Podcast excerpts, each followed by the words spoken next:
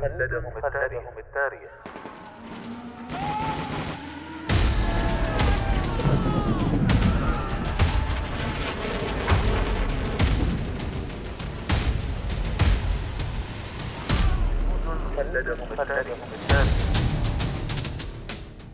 كم يفخر التاريخ العسكري برجال كتبوا سيرهم في سجلاته بحروف من الجهد والتضحية والعطاء. فبقت أسماؤهم خالدة باقية مثالا لمعنى الجندية التي دبت خطواتها كل شبر من أرض الوطن. جنود خلدهم التاريخ. برنامج أسبوعي نتعرف من خلاله على الجنود الذين ضحوا بحياتهم من أجل أوطانهم. يعده الدكتور هلال بن سعيد الحجري ويقدمه الرائد الركن. محمد بن سعيد المشيخي ألان جيرارد.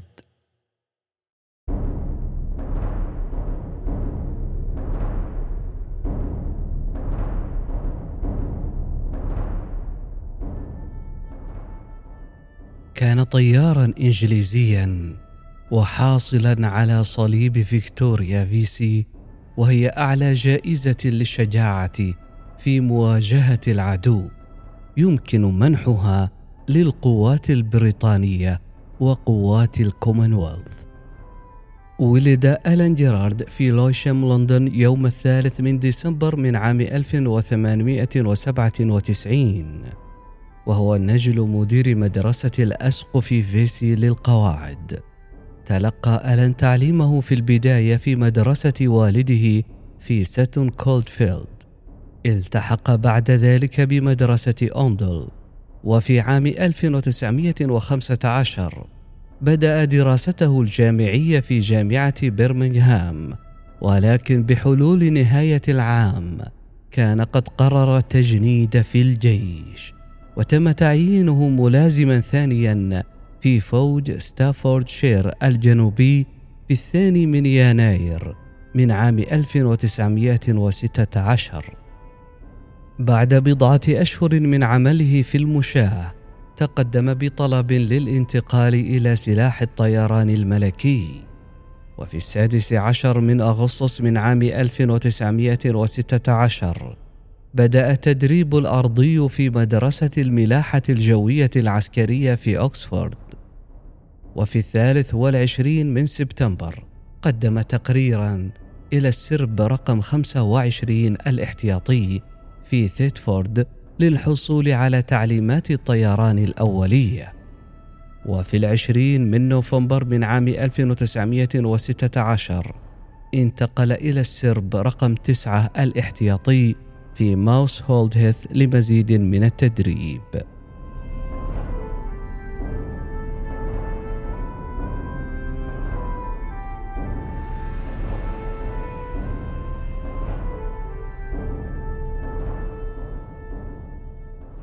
في الخامس من ديسمبر نقل جيرارد إلى السرب رقم 59 في ناربورو وهي وحدة كانت في طور التكوين للعمليات في فرنسا لكن نوبة مرض منعته من البقاء مع السرب.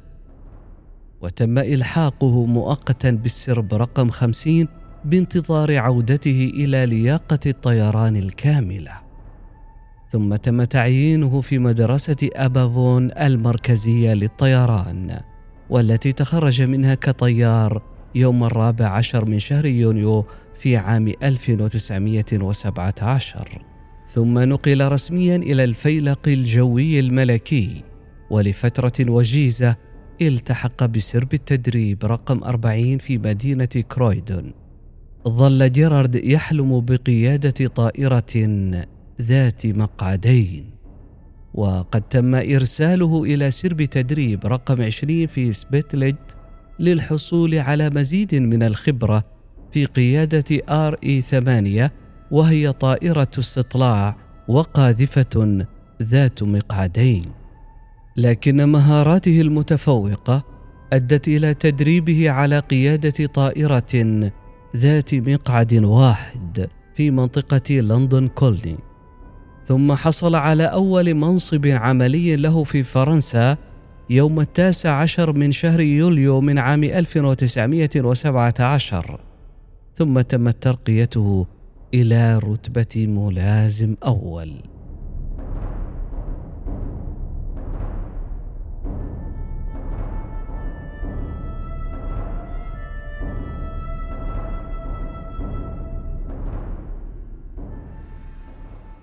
وصل جيرارد مع السرب التاسع عشر في يوم الرابع والعشرين من شهر يوليو وتكيف مع طائرته الجديدة SPAD S سبعة قام بدوريته الأولى في يوم التاسع والعشرين من شهر يوليو لكنه لم يرى أي عمل مع العدو. جاءت دوريته الثانية في الخامس من أغسطس لكنه فقد الاتصال بتشكيلته. ودمر قافلة ألمانية قبل أن ينقطع محركه ويصطدم بركب سكة حديد في سانت ماري كابل وصلت إليه قوات الحلفاء وأخرجته من تحت الأنقاض وقد أصيب بكسور عدة في أنفه وفكه. بالإضافة إلى جروح وكدمات طفيفة أخرى ثم تم نقله إلى المستشفى. بعد عودته إلى إنجلترا أمضى عدة أشهر في التعافي وبعد دورة تنشيطية قصيرة تم إرساله إلى السرب السادس والستين في إيطاليا حيث وصل إلى وحدته الجديدة في الثاني والعشرين من شهر فبراير من عام 1918 كان السرب السادس والستين بقيادة الرائد ويتاكر. وكان يتكون من ثلاث طائرات مقاتلة من نوع سوبويث كامل التي تم نقلها من فرنسا قبل أسابيع فقط لتعزيز الحملة العسكرية الإيطالية. سرعان ما شارك جيرارد وحقق انتصاره الأول في السابع والعشرين من شهر فبراير ودمر منطادا للعدو في السابع من مارس.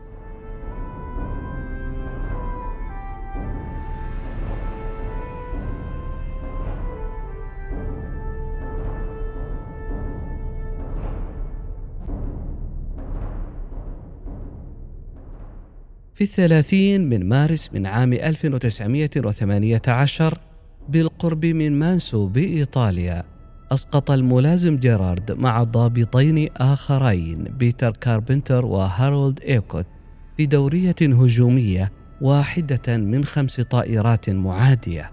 ثم طار على ارتفاع خمسين قدما وهاجم مطارا به تسع عشرة طائرة. بعد تدمير إحدى هذه الطائرات هوجم جيرارد بكثير من طائرات العدو ولكن بعد رؤية ضابط زميل له يواجه صعوبات ذهب لمساعدته ودمر آلة عدو ثالثة ثم واصل هجماته وتراجع فقط مع مطاردة خمس طائرات بناء على الأوامر التي وصلته من قائد الدورية. حتى في ذلك الوقت استدار جيرارد مرارا وتكرارا ليهزم العدو حتى أجبر على الهبوط في النهاية. أسر جيرارد من قبل النمساويين واستجوب واقتيد إلى معسكر عادي لأسرى الحرب في سالزبورغ. بعد العودة إلى الوطن حين انتهت الحرب اختار البقاء في سلاح الجو الملكي واستعان به الملك جورج الخامس في قصر بكنجهام في الخامس من أبريل من عام 1919 ثم انضم إلى مفرزة مورمانسك في سلاح الجو الملكي البريطاني في روسيا ثم عمل في أدوار ثانوية مختلفة في هيلو وسيلاند وجرانثم وهالتون على مدار أربعة عشر عاما. ترقى إلى رتبة نقيب جوي.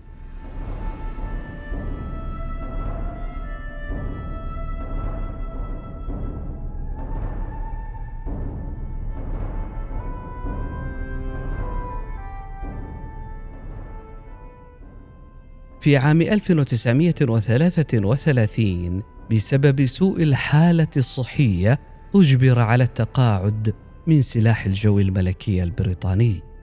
أمضى ألان جيرارد السنوات المتبقية من عمره في دار بيكفيلد للمسنين وفي سنواته الأخيرة لم يكن لديه سوى ذكريات ضبابيه عن شجاعته وقتاله في الثلاثين من مارس من عام 1918 باستثناء هروبه شبه المعجزة من الموت. توفي جيرارد بسلام أثناء نومه في الرابع عشر من مايو من عام 1968 ودفن في مقبرة عائلية في مقبرة أوكسبريد.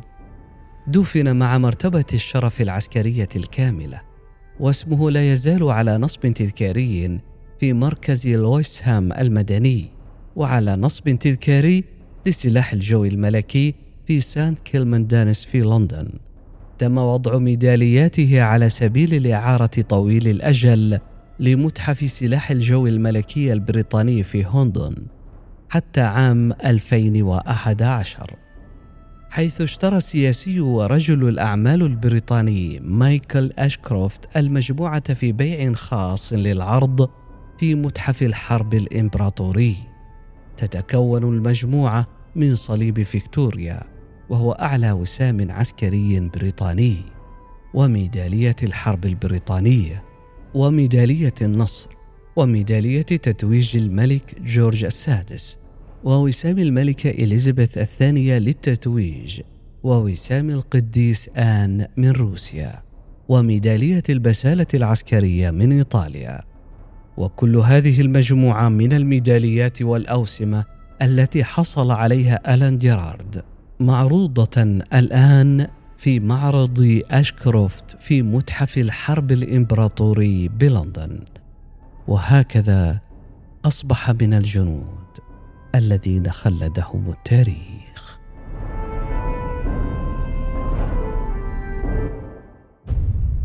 جنود خلدهم التاريخ.